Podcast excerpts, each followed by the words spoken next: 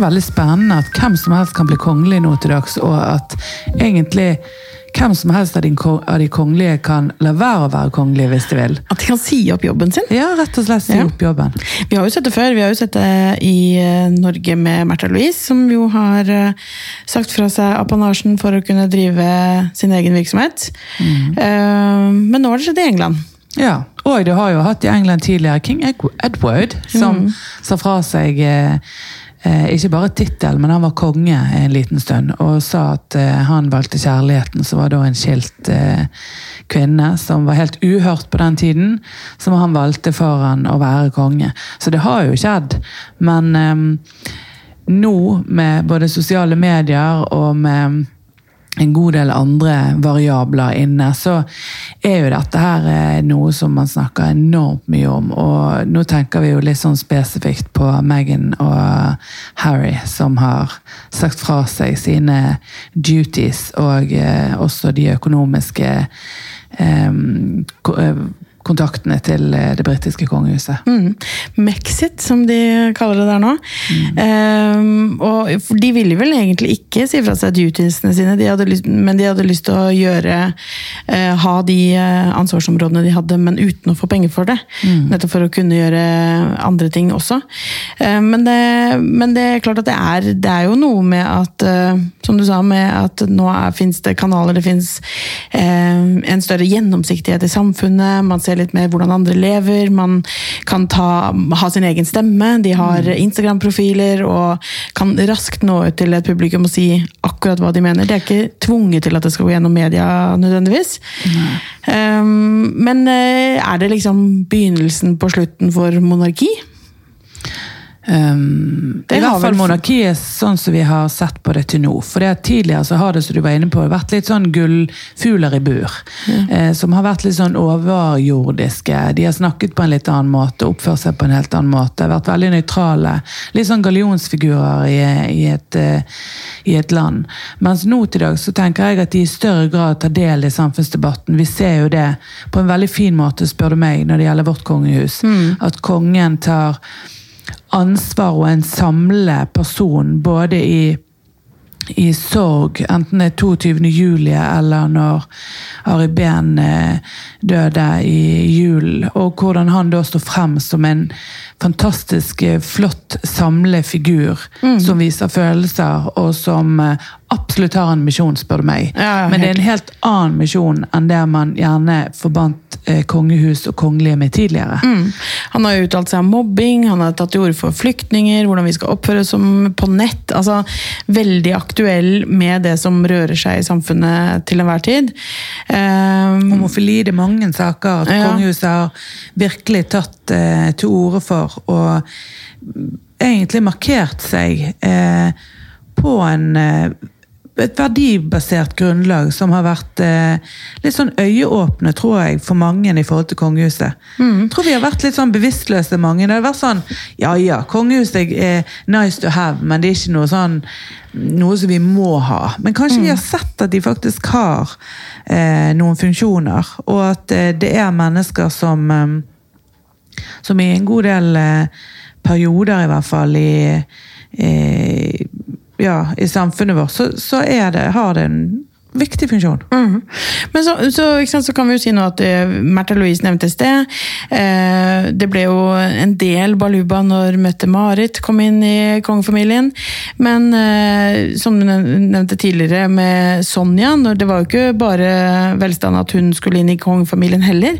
Så vi har jo hatt en sånn type denne type diskusjoner da, med om hvem passer inn og hvem passer ikke inn i mange, mange, mange år. Så er det egentlig så nytt, dette her med hvem som kan være, bli kongelig, og hvem som eventuelt eh, kan si fra seg rollen.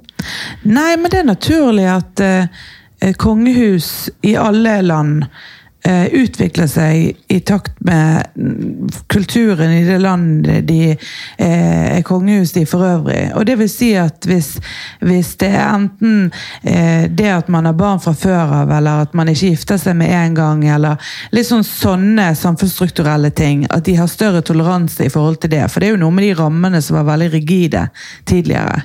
Eh, at der begynner de å vise litt mer slekk Og samtidig så er det jo noe med at generasjonene nå, sånn som du sier, Sonja hadde en litt eh, vanskelig start Hun måtte være litt sånn hemmelig kjæreste med kong Harald i mange mange år. Eller den gang kronprins Harald. Før de kunne gifte seg. Det er jo klart det at, eller det er jo ikke klart, men hun brukte heldigvis den erfaringen til å være mildere overfor sine svigerbarn, som f.eks. både Mette-Marit og Ari Behn.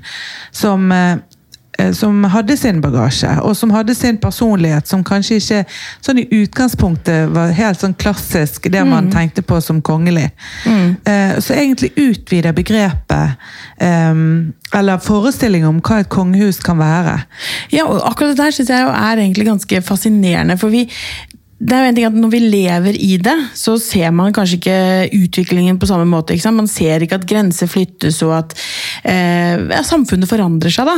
Og jeg synes jo Det var nesten litt sånn spesielt å tenke på eh, det med ikke sant, når Ari Behn tok selvmord i julen, og alt det som skjedde i etterkant av det.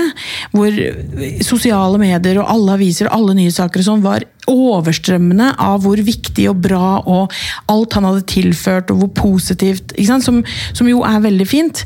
Men det var veldig mye baluba om han som ikke var så fint når han levde. Eller da han levde. Um, og så har um, Märtha Louise nå en ny kjæreste, som uh, Durek, sjaman Durek, og som jo får veldig mye eh, baluba mot seg, og de får mot seg mot hva det ting de gjør og ting de står for. Eh, og mye av hans uttalelser rister jeg også på hodet av.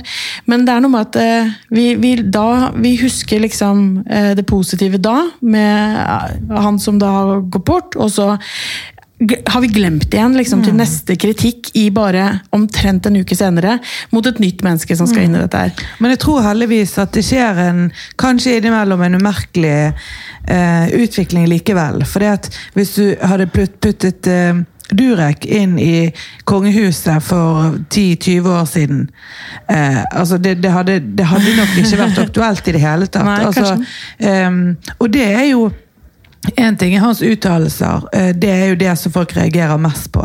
Men òg det faktum at han er mørk, at han er eh, bifil, at han har eh, sånn sin historie. Han, han virker ikke som en sånn konform type som ønsker å, å, å bli fortalt hva han vil gjøre. Og det er jo, akkurat det er jo helt fantastisk. at Em, det skulle jo egentlig bare mangle i 2020.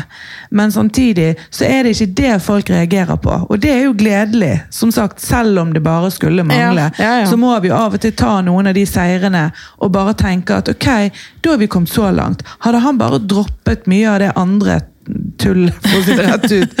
Eh, selv om jeg ikke kjenner han, og det er sikkert, eh, han er sikkert også utrolig fin på mange områder, så er det en del av de uttalelsene hans som for så vidt er greit å reagere på. Det bare spørs hvordan man diskuterer det. Og det er jo der denne litt sånn ufine, kjipe litt sånn mobben kommer frem i sosiale medier. Sant? Og der tenker jeg at vi fremdeles har et langt, langt langt stykke igjen før vi kommer opp et anstendig nivå, enten det gjelder kongehuset eller andre ting. Ja.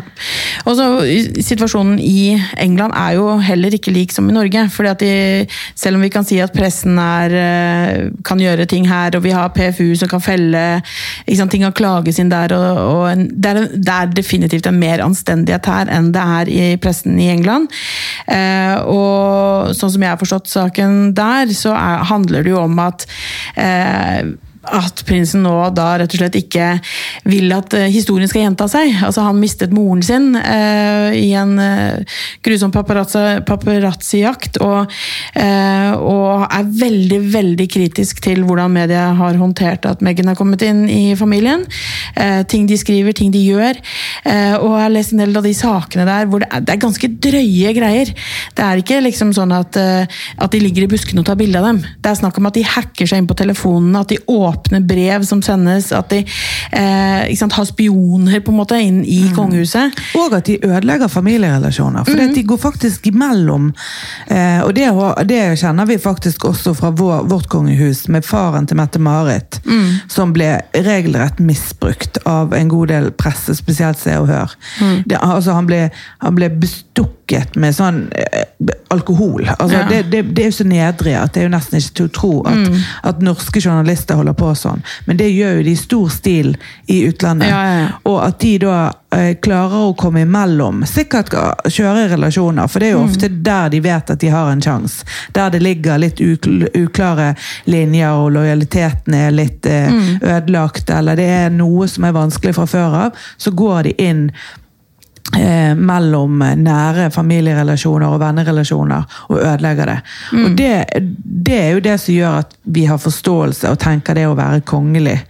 Eh, og at f.eks. Meghan og Harry at det er enormt forståelig at det der er for mye for Ja, ja. nesten alle mennesker. Absolutt, og du nevnte det at du røk inn i, eh, om så ikke inn i kongehuset her, men, eh, men allikevel en relasjon inn, og at man har akseptert en god del. Eh, De, det er, BuzzFeed har lagd en sak som vi har lenke til, som, hvor de har liksom sett på hvordan pressen håndterte det å håndtere Kate Middleton og opp mot Meghan, og helt konkrete sammenligninger, altså samme tema, hvordan det eh, vris veldig, veldig forskjellig, og alltid veldig negativt mot Meghan. Eh, og de er jo helt tydelige på det at dette her handler om rasisme, det handler om at hun er amerikansk, at hun eh, har vært, eh, vært gift før, osv. Eh, med det at eh, Kate holder seg på magen, og det er bare koselig på den ene siden, mens når Meghan Markle gjør det, så, så det, handler det om eh, stolthet eller forfengelighet eller acting. Og så er det bare eksempel på eksempel på eksempel hvor det er akkurat de samme temaene. Eh, hvor, altså Man skjønner jo at det må få nok etter hvert. Og i hvert fall med den bagasjen som da Harry har. Eh, hvor man da kanskje kan eh, ja, skjønne at de, de nå har valgt å dele livet sitt mellom Canada og England. Da. Og, og jeg tror jo det at det egentlig vil være um, ganske Altså det vil markere eh, for fremtiden hva man tåler og ikke. Eh, Selv om altså Det går noen år, for det er jo dette her løftet som journalistene ga sønnene til Diana etter at eh, hun døde på tragisk vis, som faktisk var en direkte årsak av paparazzi-forfølgelse. Og at eh, da lovet de at de skulle la de guttene få være i fred og vokse opp eh, i hvert fall så lenge de var barn. Nå er de riktignok blitt voksne, men det er noe med den eh, ja, det løftet som allikevel i hvert fall kan diskuteres eh, om faktisk de klarte å holde. Kanskje de fredet i en stund, det gjorde de vel. Men likevel, jeg tror nok de har opplevd eh, dette mediekjøret som enormt heftig i alle alle år. Og, de, og, det, og det er jo, altså, som sagt, mediet i England er ikke som i Norge. Eh, Rupert Murdoch og alle de eh, avisene han eier. Eh, altså Det er helt avsindig hvordan de, de setter av enorme budsjetter for å gå i forlik med folk. For å eh, altså ikke det for, for å sørge for at det i hvert fall ikke blir rettssak og ting ikke kommer ut, men når de da blir tatt for alle mulige saker, så har de liksom svære, svære budsjetter hvert år for å liksom håndtere det. Og det sier jo litt om metodene deres. Um, og det er klart at media har sin egen uh, agenda oppi det her. For jo, jo mer baluba og drit de klarer å skape, jo mer aviser selger de. Uh, så enkelt er det jo. Og da, da er det noe med den der presseetikken som uh, er helt av skaftet, og som da tydelig og klart nå har gjort til at de har valgt som de har valgt der. Um, så at vi har PFU i Norge og at ting kan uh, være litt mer uh, ordning og rede her, det tror jeg vi skal være veldig, veldig glad for. Ok, da er vi over på uh, vår spalte Apropos. Og uh, i, uh, til denne episoden her så har vi fått uh, en problemstilling fra Line Slettemyr, som er familieterapeut. Og hun spør rett og slett foreldre, eller spør, hun sier en påstand, foreldre er ikke normgivere på nett. Hva tenker du, Heidi? Kjempespennende. Line er min eh, gamle nabo. Eh, enormt eh, klok og oppegående. Eh, har helt sikkert lyst på eh, en god diskusjon om dette.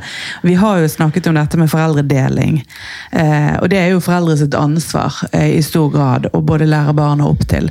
Samtidig så skjønner jeg godt hva hun mener om at det at vi eh, kan og vet eh, det beste for våre barn, er ikke alltid sikkert. Det er heller ikke sånn at eh, Selvfølgelig må vi sette grenser. Det er både litt aldersgrenser og det er eh, andre ting å ta hensyn til. Akkurat sånn som vi gjør med barna på alle andre områder i livet. Så må vi jo se det at dette barnet er veldig sensitivt i forhold til eh, eh, tilbakemeldinger fra andre. Da er kanskje ikke den sosiale mediekanalen det smarteste. Eh, samtidig så er det mye annet barna kan finne bedre ut av sjøl enn det vi klarer på deres vegne. Ja, altså De har rett og slett blitt eh, eksperter og vil egentlig ligge noen hestehoder foran oss. Absolutt. Det er det ikke noe tvil om. og mm. Vi får fort tilbakemelding fra gjengen vår hjemme i stua hvis vi bruker ord og uttrykk som de ikke er enig i, hvis vi oppfører oss rart på nettet. altså Det, det yngre altså Barna, ungdommene, de kan nok si at åh, voksne på nett er veldig veldig rare greier, for de sier sånn, de gjør sånn, de mm. Og bare for å snakke om alle disse kommentarfeltene. så er ja. grusomme. sant? Ja. Stort sett. Jeg kan ikke huske sist jeg klikket inn på et Facebook-fjes som jeg reagerte på et, en stygg kommentar, og så at det var en som var under 50 år. Nei, nei, nei. Altså, altså, det, er 50 pluss. Nesten utelukkende. Mm. Altså, nå ble dette veldig uhøytidelig studie. ja. Personlig studie. Men, men, altså, men, vi har sjekket en ganske mange Facebook-kommentarer opp gjennom disse ti årene vi holder på. Ja. Og det er mest drit fra 50-55 pluss. Definitivt. Eh, og det er jo en eh, Kan vi si at det er noe fint for framtiden, da. Eh, at eh, forhåpentligvis så har de litt bedre kultur på akkurat den tingen der. Mm. Eh, men jeg, jeg, tror at eh, vi, barna vil ligge foran oss, de vil plukke opp nye trender før oss, de vil finne nye verktøy før oss, de vil skjønne når de skal gå fra et verktøy før oss. Alt det der vil de ligge før oss. Men det jeg ikke tror at barna Eller som jeg tror at vi voksne må være være rollemodeller og må lage noen normer for barna. Det er jo nettopp den erfaringen vi har. altså Den eh, livserfaringen, hvor mm. irriterende det høres ut. Eh, men det at eh, ok, når det skjedde med meg, nå ble jeg lei meg fordi noen skrev sånn til meg på nett, eller jeg fikk ikke nok likes på det bildet, eller jeg um, uh, er ikke invitert inn i den gruppa på Snapchat, eller hva det måtte være, så må vi liksom trekke det litt ut og ha det litt mer over i generell kommunikasjon og generell folkeskikk og generell menneskelig atferd. Uh, for det tror jeg nok at uh, vil være kanskje enda viktigere for barn framover enn sånn som det var i gamle dager. Mm. Så hvis vi er enige med påstanden, men vi kan òg legge på en til, men kan være normveiledende, ja. så kan vi være enige med påstanden. Da er vi enige. Ja. Helt enig.